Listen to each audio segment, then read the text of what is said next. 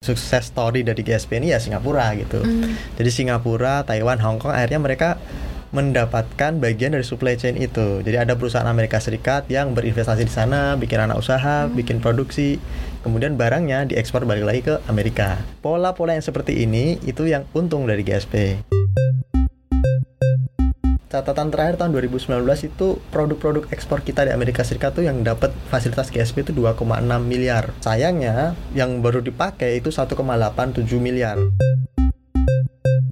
perlu ditinjau ulang juga sebenarnya perlu nggak sih kita dapat GSP ini atau lebih baik? Malah justru ya udah bersaing sehat aja.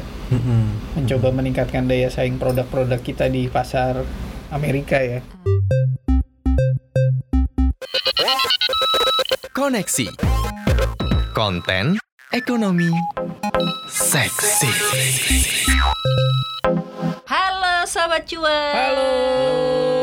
Selamat hari Rabu ya 4 November 2020 Dan selamat ulang tahun Siap. Mas Nova. Betul sekali Sobat Cuan Jadi hari ini Ini adalah koneksi spesial Kita ngebahas tentang Mas Novan Enggak, enggak. spesial Mas Novan spesial Amerika Heeh, Karena ini juga hari ini juga ya Iya. Bisa jadi adalah menit-menit penentuan atau detik-detik penentuan lah ya Eh, untuk kita tahu siapa akhirnya yang memenangkan pemilihan presiden Amerika Serikat tahun 2020 ini. iya ketat banget ya ketat ternyata banget. Uh, uh, per sekarang ya saat kita ngobrol-ngobrol ini ya Mas Argun dan Mas Novan 4 November 2020 Mm. jam 5 lewat 20 waktu Indonesia Barat Mas Novan. Bagaimana skornya? Dari 270 electoral vote untuk menang memastikan kursi kepresidenan sementara memang Biden memimpin di 224 Trump di 213 gitu kan. Cuma ada beberapa negara bagian kunci yang ternyata belum selesai yang pasti sangat menentukan. Nah di negara-negara bagian yang belum selesai dihitung ini mayoritas itu Trump unggul Hmm. Jadi misalnya di kayak misalnya di Indonesia di provinsi A itu Trump unggul tapi penghitungannya belum selesai Hmm, gitu. Nah, kalau melihat sistem uh, pemilunya AS kan kalau meskipun lu menang cuma 51% di negara bagian itu, Mm-mm. electoral vote-nya tetap semuanya jatuh ke dia gitu. Jadi nggak nggak dibagi proporsional per electoral vote segala macem. Jadi kalau hitung-hitungannya sih ya kalau Bi- Biden butuh butuh ada kejutan. Artinya ada kejutan mengejutkan di negara-negara bagian tertentu gitu kan kayak di mana namanya Michigan, Pennsylvania gitu kan yang gede-gede electoral vote-nya gitu. Sementara Trump di sana sudah uh, unggul gitu kan dari vote-nya jadi si Biden sih automatically saat ini kita bicara tuh baru unggul cuma unggul di tiga negara bagian yang sebenarnya kalau mentok gitu kan angkanya Mm-mm. kira-kira ya 230 sekian masih kurang lumayan. Jadi ternyata. Itu tidak kan sesuai dengan pooling hasil. tapi kan kita belum tahu ya Iya, siapa tahu selesai gitu apa namanya keajaiban bisa terjadi ibarat kayak Keajaiban- nonton pertandingan bola ya Nah. gitu kan di detik-detik terakhir Betul, walaupun injury ini time di mungkin politik time. tidak akan seperti itu ya tidak akan semengagetkan itu tapi kita doakan sajalah yang baik-baik seperti ini adalah mungkin salah satu kabar baik nih sobat cuan ya kalau dari sektor ekonomi gitu jadi ini masih ada kaitannya sama Amerika Serikat pemerintah Hmm. Amerika Serikat nih Pemerintah AS lewat United States Trade Representative atau USTR ini Hmm. secara resmi udah ngeluarin keputusan untuk memperpanjang fasilitas GSP atau Generalized System of Preferences kepada Indonesia atau Hmm. ini adalah fasilitas bebas bea masuk ya Mas Argun ya gitu. Nah, ini apakah berarti gitu Amerika tuh sudah terbuka lagi, sudah tidak mau membuat Amerika great again dengan proteksi-proteksinya gitu. baik gini. atau Malu gimana gitu. Apa sih keuntungannya ya? Apa bebas bea masuk ini atau GSP ini untuk Indonesia? GSP itu sejarahnya itu kembali ke tahun 1976 belum lahir semua kita nih itu fasilitas yang diberikan pemerintah AS untuk seluruh negara-negara berkembang dan miskin. Kalau mereka mau mengekspor barangnya ke Amerika Serikat maka dikenakan tarif rendah gitu. Mm-mm. Nah, itu tujuannya agar mereka memiliki akses ke pasar. Yaitu mulialah tujuannya saat itu agar negara-negara miskin itu juga memiliki peluang untuk bisa mendapatkan manfaat dari perdagangan bebas yang saat itu lagi dirintis. Hmm, oke. Saat itu belum ada WTO. Saat itu kan adanya tuh GATT General Agreement on Trade and Tariffs gitulah. Eh, di- itu intinya para menteri-menteri perdagangan ngumpul ngomongin soal tarif kemudian juga perdagangan bebas gitu. Jadi cikal bakalnya WTO tahun 76 itu baru muncul kan WTO tahun 1995 gitu. Sebelum itu GATT dan eh, pemerintah Amerika Serikat memberikan fasilitas itu untuk mereka negara-negara yang mau join di GATT yang pada akhirnya jadi WTO itu jadi semacam pemanis lah terangsang ayo kalian ikut Biar ikut eh, gitu WTO ya. nanti dapat ini eh, Semacam, semacam insentif juga gitu jadinya nggak sih? Iya, hitungannya insentif. Jadi perusahaan eh, perusahaan atau eksportir dari negara-negara yang mendapatkan fasilitas itu ketika ngirim barangnya ke Amerika Serikat, ya tarifnya bisa 0% gitu. Eh, jadi ketika bersaing dengan produk-produk Eropa gitu minimal mereka ya lebih Unggul lah di situ Iya, ya, lebih gitu. unggul. Bisa ditekan biaya biaya masuknya gitu. Hmm, Indonesia masuk di sana juga gitu. Hmm. Tapi Indonesia juga nggak sendiri. Mm-mm. Ada India, Oh. Cina juga, Oke. Brazil, kemudian juga Singapura juga masuk di sana. Bahkan gitu. Singapura ya? Ya, Masih. dulu. Oh, dulunya. Oke. Jadi, Ceritanya- awal-awal. heeh. Hmm, Jadi ceritanya tuh Singapura, Taiwan, Hong Kong itu dulu juga dapat fasilitas ini GSP dan mereka itu sudah lulus gitu. nah Indonesia ini kan kemarin diumumkan mau lulus dianggap sudah negara maju. Hmm, katanya. Tapi Indonesia nggak mau lulus gitu. Lagi ya, dong. reme- remedial. gitu. Oh gitu. Padahal kita pengen oh kita harus jadi Tapi negara itu juga maju. pas- begitu begitu dampak negara majunya di GSP-nya ditarik. Protes. Belum. Nggak mau Nggak gitu mau. ya. Tapi selain bebas bea masuk gitu masih apa lagi sih yang menguntungkannya gitu? Apakah ada kemudahan-kemudahan gitu karena ya memang ini adalah negara-negara yang bisa dibilang gitu masih ekonominya tidak terlalu baik gitu kan berarti atau miskin gitu lah ya bisa dibilang gitu. Selain bebas bea masuk. Jadi filosofinya itu gini, Amerika itu kan pingin mengajak negara-negara seluruh dunia untuk masuk ke sistem kapitalisme saat itu. Itu kan Pak saat itu lagi saingan sa- kapitalisme, sosialisme gitu kan. Komunisme sudah ya udah udah inilah udah nggak kuat gitu. Ke- nah di persaingan itu ya diharapkan semua negara ikutan dengan membangun industri Oh, Oke. yang ya kurang lebih supply chain-nya alurnya seragam, kemudian regulasi pemerintah minim di situ sesuai dengan ya pola bisnis di negara-negara barat dalam ini Amerika Serikat. Nah, oleh karena itu beberapa negara Asia kita ngomong terutama nih yang paling sukses story dari GSP ini ya Singapura gitu. Jadi Singapura, Taiwan, Hong Kong akhirnya mereka mendapatkan bagian dari supply chain itu. Jadi ada perusahaan Amerika Serikat yang berinvestasi di sana, bikin anak usaha, bikin produksi, kemudian barangnya diekspor balik lagi ke Amerika. Nah, pola-pola yang seperti ini itu yang untung dari GSP, yaitu ketika perusahaan Amerika memiliki subsidiary di sana dan mereka mengimpor komponen dari Amerika Serikat juga gitu. Oke. Ketika kemudian produknya dibalikin ke Amerika bersaing gitu. Nah, ini ini ini yang yang yang yang untung, tapi untuk yang lainnya ya termasuk kita juga Indonesia yang nggak banyak subsidi dari perusahaan Amerika Serikat kemudian juga kita tidak mengejar, mengejar industrialisasi dengan efektif kita tertinggal Kita ketinggalan momen ya berarti. Iya, jadi GSP itu akhirnya menjadi semacam candu tadi bu- bukan tadinya buat insentif. Uh-uh. Insentif kan harapannya ketika anda di ibaratnya jamu lah. Uh-uh. Ketika sehat dikasih jamu harapannya lebih kuat gitu. Mm-mm. Tapi Tapi ketagihan malah jadinya. basis kita Jadi kayak ketagihan. narkoba, Jadi kalau nggak dikasih sakit. Sakau. Gue nggak nyebut sakau, sakit. Karena sakau. Sakit rasa sama dong. Terus Iya. terus terus. Nah, di, buat Indonesia itu sebenarnya nilainya juga apa ya? Ya lumayan sih. Kalau kita tuh catatan terakhir tahun 2019 itu produk-produk ekspor kita di Amerika Serikat tuh yang dapat fasilitas GSP itu 2,6 miliar. Totalnya ya. Iya.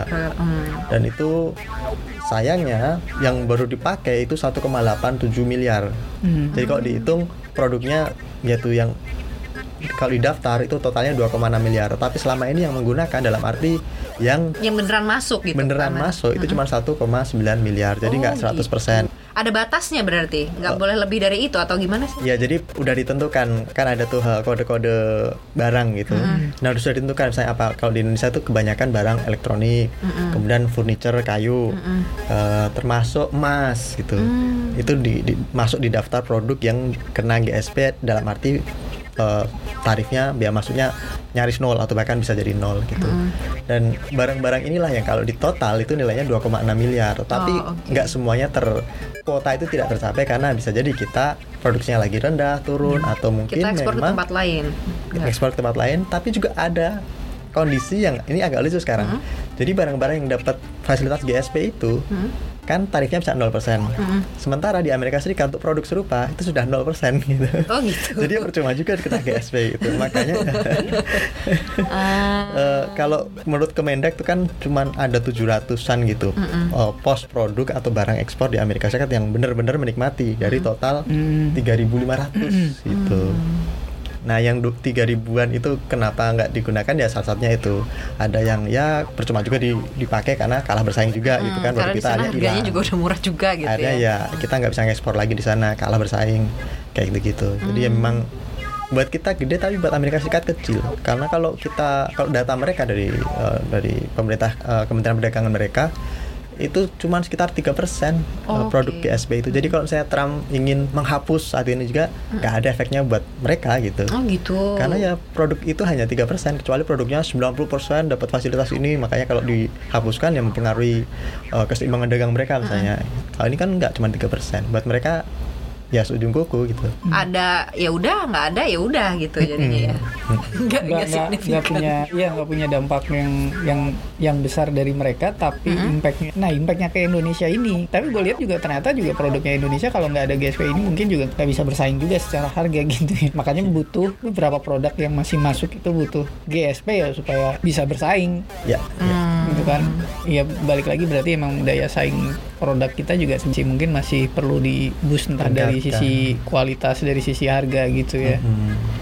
Sekarang ini gitu ya masih list negara-negara yang masih masuk daftar penerima insentif GSP ini gitu siapa aja sih selain kita nih Indonesia? Oh, masih banyak sih. Oh masih banyak Masih banyak. negara-negara di Afrika gitu ya. Afrika kita s- yang saya ingat kalau yang masih di dalam tanda kutip keterlaluan karena masih dapat ya misalnya Thailand Oh, kita. Padahal dia udah India itu masih dapat. Artinya kan India tuh mas eh, masa negara miskin sih kan nggak bukan poor country gitu. Bahkan mereka kan emerging market jadi yang diperkirakan akan eh, tumbuh cepat gitu perekonomiannya. Tapi nyatanya mereka masih dapat gitu. Dan ya di Amerika Serikat realitanya GSP itu tidak hanya kebijakan yang apa ya netral gitu enggak jadi aspek ada aspek politiknya juga. Pasti. Artinya, ya kalau Stick tadi ada gitu kalau gitu kan. Kalau dalam kita bicara soal uh, perdagangan internasional istilahnya kita prinsip yang harus dipegang adalah uh, there is no free lunch gitu. Tidak ada makan siang gratis.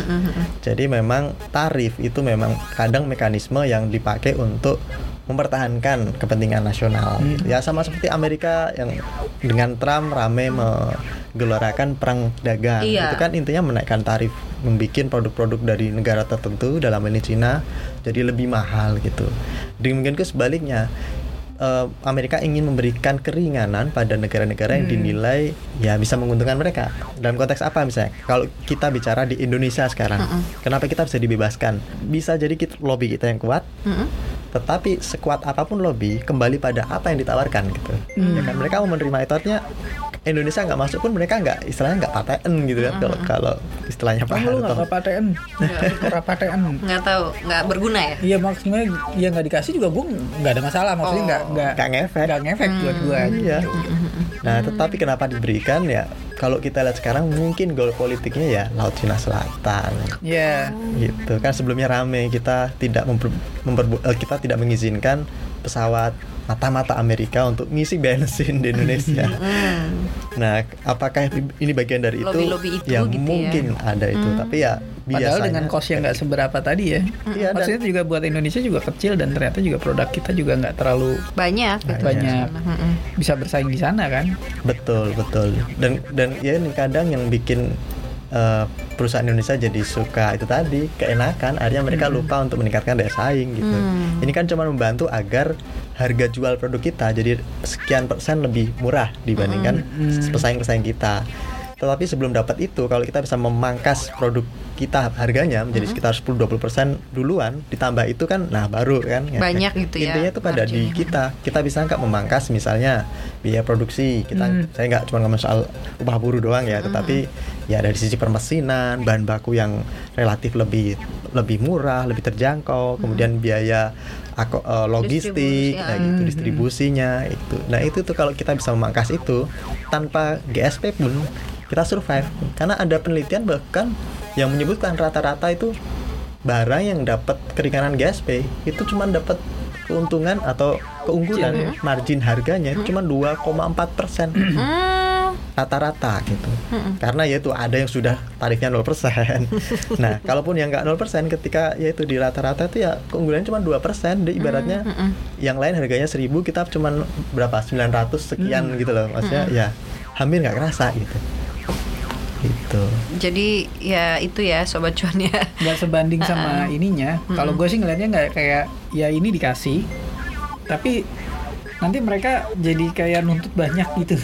Seolah-olah kita dikasih permen kayak sesuatu yang yang membanggakan apa gitu kan. Mm-mm.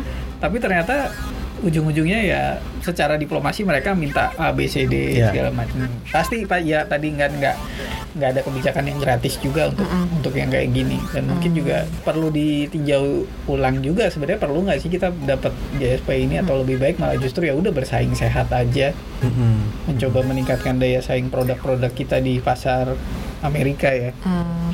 Nah, terus kan ini kalau misalnya kita kaitkan ya dengan electionnya Amerika Serikat sekarang ini gitu kan. Kemarin tuh ada juga tuh eh, apa namanya baca artikel gitu bahwa kalau sampai Joe Biden yang menang itu ya akan banyak uang Amerika gitu ya dalam tanda kutip yang mengalir ke negara-negara berkembang Mm-mm. gitu. Bener nggak sih Mas? Eh, logikanya adalah ketika Biden menang dia akan menjalankan eh, program stimulus gitu. Hmm. Jadi kemarin kan Bank Sentralnya Amerika bilang kalau ini mau pulih lanjut lagi pemulihan ekonomi, pemerintah Amerika dalam hal ini Kemenq harus memberikan stimulus lagi tahap kedu- kedua. Hmm. Trump udah bikin yang tahap pertama dan tahap kedua ini kan kemarin stall buntu Mm-mm. karena perbedaan ya itulah Trump nggak pingin nilainya gede Mm-mm. sementara eh, Demokrat kelompok Demokrat pinginnya besar. yang gede gitu. Mm-mm. Nah, ketika Biden menang, yang nilai yang gede tadi itu yang dikucurkan, artinya akan ada dana-dana limpahan besar ke masyarakat, termasuk pasar modalnya. Dan ketika eh, pasar modal itu kebanyakan ali- eh, supply mata uang, artinya dolar berlebih di pasar sana, otomatis nilainya kan Turun. turun. Nah, nilai turun, orang-orang akhirnya lebih milih investasi di luar negeri. Oke. Gitu. Ke mana? Apakah Indonesia salah satunya? Bisa jadi gitu. Tetapi ya kita belum bisa memastikan bahwa larinya pasti ke kita gitu. Tapi peluang untuk itu terjadi lebih besar ketika Biden menang dibandingkan ketika Trump menang. Karena Trump dia hanya separuh dari ini eh, nilai-nilai ini proposal stimulus kedua yang dia bawa Dia- gitu. Oke. Nah, gitu. itu yang kemudian ya diperkirakan bikin ini orang-orang pelaku pasar sempat euforia. Ketika tadi pagi Biden eh, unggul, itu kan bisa saham meningkat, Ah, ah, naik. ah, ah.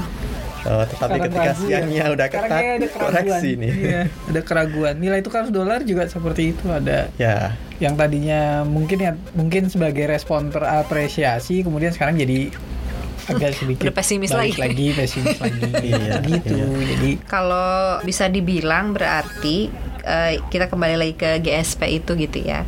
Itu tuh bukan reward banget gitu ya. Malah harusnya kita ini gak sih? Tersinggung gak sih?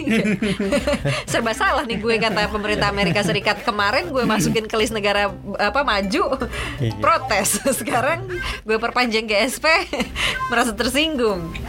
Enggak ya, tapi kalau pemerintah kita sih aku lihat kayaknya menyambut baik ya. Iya. uh, potensi ini ini. dikasih kayak Mas Argun tadi ini kan sebagai seharusnya jadi booster insentif aja gitu bukan jadi sebuah ketergantungan bagi eh, industri kita gitu kan Mm-mm. jadi kalau suatu saat juga dicabut ya jangan terus marah. gitu. marah atau nangis atau komplain gitu ya itu hak mereka juga mau mencabut dan kalau misalnya memang kita perlu diukur juga kalau cuma ternyata nilainya toh kecil gitu kan nggak nggak nggak sebesar nggak sesignifikan itu ya kenapa harus kita kita terima kalau ternyata ujung-ujungnya banyak maunya gitu loh Hmm. takutnya kan yang dikhawatirkan kan seperti itu Selain Laut Cina Selatan, Nah. kayaknya apa lagi sih maunya Amerika Serikat?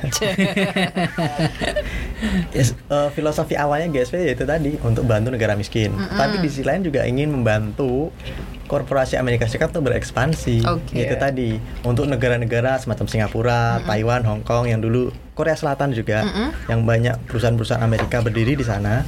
Ya mereka mendapatkan fasilitas itu. Dulu asumsinya mereka ya nyaris jadi negara industrialized, jadi perlu dibantu gitu. Nah, setelah banyak perusahaan Amerika di sana dan bisa dibilang negara-negara tersebut menjadi satelit eh, ekonomi dan bisnis dari Amerika Serikat, ya kemudian sudah dianggap survive dan nggak perlu lagi gitu. Oke. Indonesia belum bisa jadi satelit itu gitu buat eh, buat buat supply chain Amerika Serikat. Tidak ada misalnya negara eh, perusahaan besar di sini yang memasok eh, mesin buat Amerika Serikat sama seperti di Korea Selatan misalnya atau di Taiwan, Taiwan, Taiwan. jadi hal-hal itu yang nggak ada di Indonesia gitu. Itu yang bikin kita kecanduan dengan GSP. Beda dengan mereka yang karena ada subsidi dari perusahaan Amerika Serikat, maka supply chain-nya terbentuk Oke. dan mereka terintegrasi dengan Amerika Serikat, Amerika Serikat ekonomi maupun ya supply chain barang global itu gitu. Nah, buat Amerika Serikat sendiri ya keuntungannya adalah ekspansi korporasi mereka. Jadi untuk perusahaan-perusahaan yang tadinya dia cuman punya apa ya eh, anak-anak usaha di satu perusahaan dengan adanya fasilitas GSP itu mereka bisa membangun di negara-negara lain yang mendapatkan fasilitas itu dan beli bahan baku dari Amerika Serikat terutama ini eh, sektor permesinan Hmm. jadi bahan bakunya mereka ngimpor dari Amerika Serikat diolah dirakit di sana kemudian diekspor lagi balik lagi ke Amerika Serikat dengan fasilitas GSP ya otomatis diuntungkan kan gitu Hmm, hmm. Gitu. Harganya Jadi dari satu sisi Amerika juga dulu perlu GSP. Dulu tuh awal-awal tahun 70-an nilai impor Amerika Serikat yang mendapatkan fasilitas GSP itu sampai 30%. Sekarang kan cuma 3% tadi itu. Dulu 30%, sepertiganya gitu. Nah, apakah Amerika nggak rugi karena membebaskan biaya masuk? Mungkin dari sisi pemasukan negara rugi atau ya ada penurunan. Tapi jangan lupa kalau kita bicara skala yang lebih luas, dari sisi ekonominya mereka lebih untung gitu. Karena nilai tambahnya besar, maksudnya perusahaan-perusahaan Amerika Serikat berekspansi ke luar negeri. Penerimaan pajak Amerika pun meningkat juga ketika apa namanya revenue perusahaan-perusahaan itu naik eh, naik drastis gitu. Nah, hal-hal kayak ginilah yang yang mendorong GSP dulu itu digencarkan gitu, termasuk di negara-negara miskin ya di situ ada uh, ada CSR-nya lah dikit misalnya dibantu untuk produk mereka yang Iya. katanya ada penelitian ternyata itu juga nggak banyak efek gitu buat perusahaan-perusahaan uh, atau eksportir dari negara-negara miskin Oh. karena kebanyakan mereka produksinya adalah agriculture gitu Hmm. dan itu Sementara Amerika juga melindungi itu. sementara Iya. Amerika sebenarnya melim- protektif terhadap protektif Iya, produk-produk agriculture gandum dan kawan-kawan itu kalau kita lihat ya alangkah dunia tuh ketika Amerika Serikatnya lagi pesta demokrasi gitu ibaratnya. Dunia tuh ngelihat ke sana dan semuanya tuh harap-harap cemas gitu. Mm-mm, ya, karena ada efek nanti. Bahwa ini akan berdampak kepada dunia ini planet ini nih sobat cuan. Apakah empat tahun ke depan kita akan melihat Makin banyak. sandiwara apa banyak kekonyolan. gitu kan? Iya. Iya, atau ini lagi atau sebaliknya gitu. Kalau di Indonesia ini kita ya ya pantau aja. Maksudnya siapa pun yang menang Biden maupun Trump kalau kita bicara GSP ya sepertinya akan tetap dipertahankan Hmm, gitu. oke. Ini kan sebenarnya kalau menurut kesepakatan politik di Amerika Serikat itu udah selesai tahun 2020 emang. Hmm. jadi masa berlakunya GSP selesai pilihannya dua dihentikan atau dilanjut gitu. Hmm. nah kalau Trump kan kemarin sempat keluar-keluar mau dihentikan gitu frontal. Tapi kemudian belakangan ya dia melunak eh, ada beberapa pengecualian. Jadi memang ada yang dikecualikan termasuk Indonesia gitu. Nah apa yang ditawarkan Indonesia? Nah ini kita belum tahu. Mungkin Laut Cina Selatan mungkin pemerintah Indonesia juga eh, jeli cerdik gitu ya. Maksudnya oke kalau anda menghentikan ini fasilitas GSP ya kita akan alihkan supply chain ke pesaing anda. Dalam ini China misalnya. Nah akhirnya kalah kabut lah. Iya. Pompeo datang misalnya itu yang terjadi. Bisa jadi. Artinya banyak peluang dan kemungkinan. Tapi yang pasti ya ada trade off di sini saya pikir. Ya atau kalau misalnya ngeliat mappingnya industrinya Amerika gitu kan selama ini mereka bergantung sama Cina dan mereka mencoba mencari resource lain gitu kan kayak misalnya bahan-bahan tambang kayak nikel dan sebagainya segalanya itu untuk ini akhirnya mencoba, mereka mencoba ya Iya. mungkin Indonesia lebih Bisa jadi itu. lebih The next. ini gitu kan apa namanya bisa bisa menjawab kebutuhan mereka di luar Cina gitu kan jadi mereka bisa melihat ya udahlah perusahaan-perusahaan Amerika yang teknologi berbasis teknologi yang bisa membutuhkan nikel atau apa segala macam Baterai. Material segala macam baterai dan itunya bisa Jawa ke Timur. Indonesia ketimbang ke Eh Jawa Timur, Jawa Tengah sih itu. Yang kemarin yang Tesla. pabrik Tesla itu. Oh Jawa Tengah Jawa Tengah. Batang. Mm-mm, mm. gitu mungkin lebih eh, mungkin melihatnya mungkin kalau administrasinya Trump atau pemerintahnya Trump mungkin pandangannya seperti itu Ya. ngapain ke Cina di Indonesia ternyata melimpah juga ternyata Indonesia juga ngekspornya ke Cina gitu Iya. daripada ngekspor ke Cina Mendingan langsung aja ke gue gitu iya kata Amerika. ya udahlah omnibus law-nya disahkan nah, masuk Iya. permudah saya gitu ya semua akan bi- saya bikin mudah juga gitu kalau kata Amerika Serikat gitu itulah ya sobat cuan ya bahwa ini tuh disahkannya perpanjangan GSP ini Hmm. itu hari Minggu kemarin berarti berapa hari yang lalu tuh ini Rabu tiga hari yang hari. lalu pas datangnya Menlu itu kan ya Pompeo. Ah, ah, ya. ah, ah. Gitu sobat cuan. Jadi ini baru-baru saja gitu. Mungkin itu juga langkahnya Amerika Serikat untuk mengamankan ini kali ya. Apa ya kalau misalnya barang Amerika sebaliknya gitu kita memperlakukan GSP ke produk Amerika gitu kayak misalnya iPhone gitu bisa lebih murah. Ya, tapi kenapa enggak? iPhone itu hitungannya produk Amerika atau produk Cina? itu kandungan Cina buatan Amerika. Oh gitu. Ya Hitungannya. kandungannya kebanyakan kandungan Cina gitu, tapi secara secara intelektual Itu barang Amerika. Itu barang Amerika. Oke. Iya. meskipun secara kandungan Ya. Iya, yang banyak hampir dari- 90% ya. dari Cina. Iya, ibaratnya ada uang dolar, kertasnya ngimpor dari Cina. Eh, Tintanya juga. Iya, Cina. tapi duitnya duit US Amerika. Oh, Oh. Oke. Gitu. Ada identitas Amerika gitu ya di dalam situ gitu ya. Dolar Iya. itu gitu dan iPhone itu gitu ya sobat cuan ya. Ya tapi nggak bisa gitu, maksudnya so- nggak ada GSP itu yang negara-negara yang tadi mendapatkan Sebaliknya, fasilitas itu melakukan sebaliknya. itu justru pernah dipersoalkan di WTO. Lucu. Oh gitu, kenapa, Mas? Prinsipnya WTO kalau mau memperlakukan pembebasan tarif harusnya Saling gitu. saling ya? silang, resiprokal. Karena kalau sepihak itu dinilai eh, tidak berimbang Iya, gitu. unilateral gitu ya. Unilateral nggak boleh gitu. Harus kesepakatan dua pihak dan berimbang. Jadi trade off. Hmm. Gua membebaskan, lu ngasih apa gitu. Tapi Amerika ini boleh dong. Nah. Karena dengan alasannya membantu Negara miskin. Seperti Indonesia berarti. Semoga aja ini diperpanjang gitu ya GSP ini diperpanjang kita bisa memanfaatkannya gitu ya Eh, jangan kehilangan momentum lagi gitu semoga kita bisa cepat lulus lah ya kayak Kayak Taiwan Singapura. Singapura gitu sobat cuan Iya. jangan maunya disubsidi melulu di sini sih gitu sih kita ya kalau misalnya udah sering paling, dikasih paling susah begitu memang melepaskan subsidi itu paling Eh, eh. Jadi candu ya. baja ya. yang tadinya cuma harus jadi booster mancing gitu ya. Ibarat katakan air gitu kalau rusak pompa airnya gitu kan ada Dipancing, dipancing terus dia langsung bisa keluar gitu. Kalau ini enggak. jadi rutinitas gitu jadi harus harus dilakukan gitu ya iya, jadi candu-candu gitu deh. Susah. Saya pikir untuk jangka pendek, sobat cuan kalau misalnya berbisnis apa furniture, emas yang mungkin bisa bernafas lega gitu ya. Oh iya, karena karena, ada- misalnya ekspornya ke Amerika berarti tarifnya lebih rendah, tapi ya jangan bergantung ke situ saja gitu. Jadi ya memang kita harus memperkuat daya saing sendiri gitu. Jadi karena itu kan sepihak bisa aja di nanti dicabut misalnya kepentingan Amerika sudah berubah, Selesai gitu, selesai ha. gitu. Jadi emang jangan bergantung.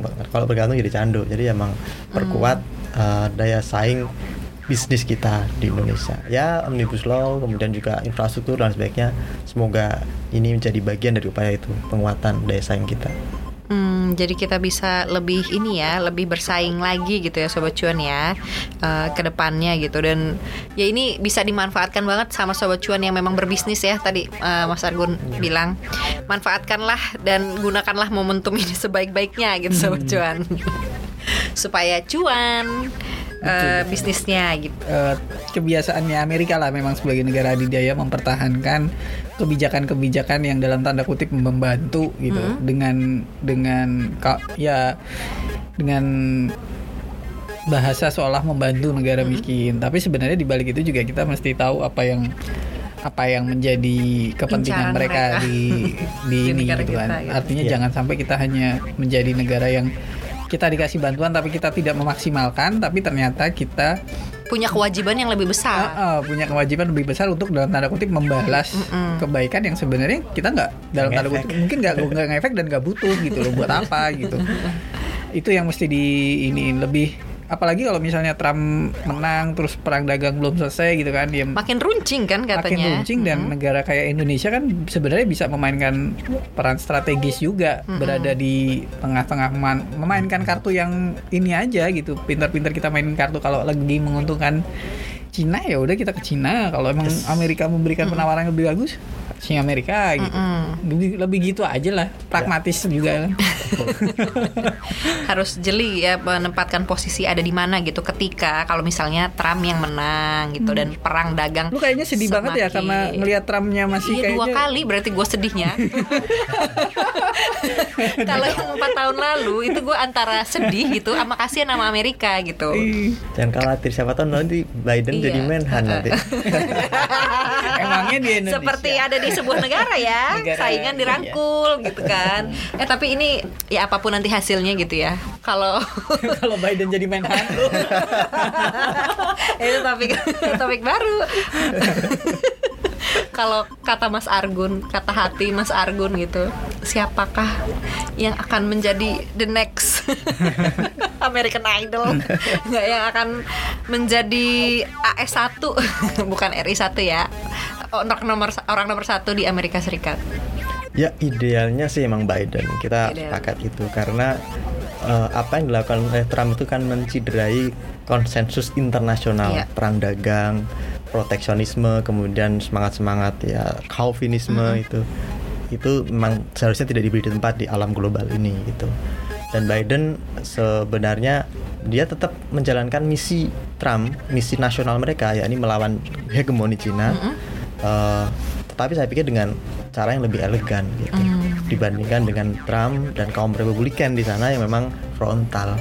Tapi ya sejarah kan tidak di ya tidak ki- di tangan kita gitu ya. Kita lihat saja bisa jadi Trump yang menang karena ya itu kalau ngelihat tadi perkembangannya. Waduh emang dia sepertinya memang mengejar dan kemungkinan besar dia peluangnya juga masih ada gitu 60% dia bisa menang gitu dibandingkan Biden. Karena kalau saya baca-baca tadi ya Dia udah declare, Iya. dia udah declare dia menang loh. Ya. Ini seperti deja vu ya, pernah juga di sini kan kayak gitu. tapi kan dia nggak syukuran itu syukur beda masih beda Coba channel TV-nya diganti mungkin berbeda.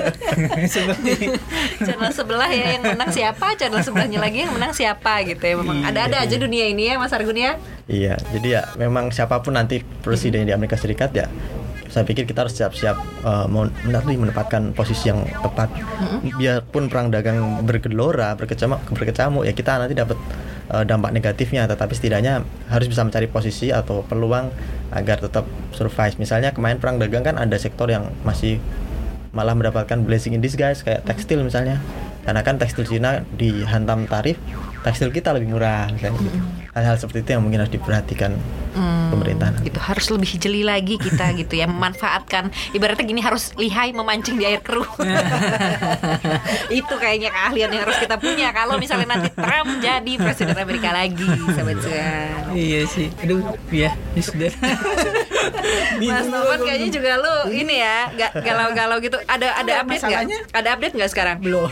Oh, belum. Masalahnya dengan Covid kayak gini ketika orang Amerika dengan kalau Trump menjabat lagi kan pakai masker aja susah gitu kan. iya ya. Sementara kalau misalnya Trump jadi presiden lagi, gue rasa tak- pakai masker aja udah nggak cukup harus tutup makin lah telinga tuh krisis juga, gitu. kesehatan ya. Hmm. Ah, luar biasa. Begitulah ya sobat cuan. pengusahanya Amerika tuh kudu-kudu pakai masker sama tutup telinga deh karena cuitannya Trump itu kadang juga omongannya Trump itu juga kadang bikin panas.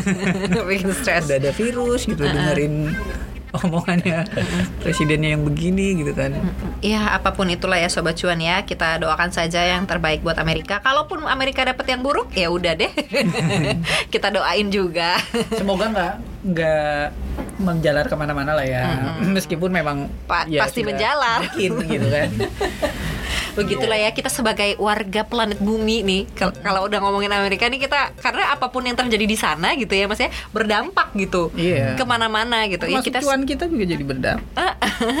ya sebagai warga planet bumi ini yang memiliki satu bumi ya walaupun kita tidak satu nusa satu bangsa sama Amerika Serikat kita doain aja sobat cuan dan semoga juga sobat cuan sehat-sehat udah gitu bisa apa ya bisa menerima apa pun nanti hasil dari pilpres Amerika Serikat gitu aja dulu koneksi kali ini tentang GSP atau bebas bea masuk perdagangan Amerika Serikat dengan Indonesia ya dan beberapa negara miskin lainnya.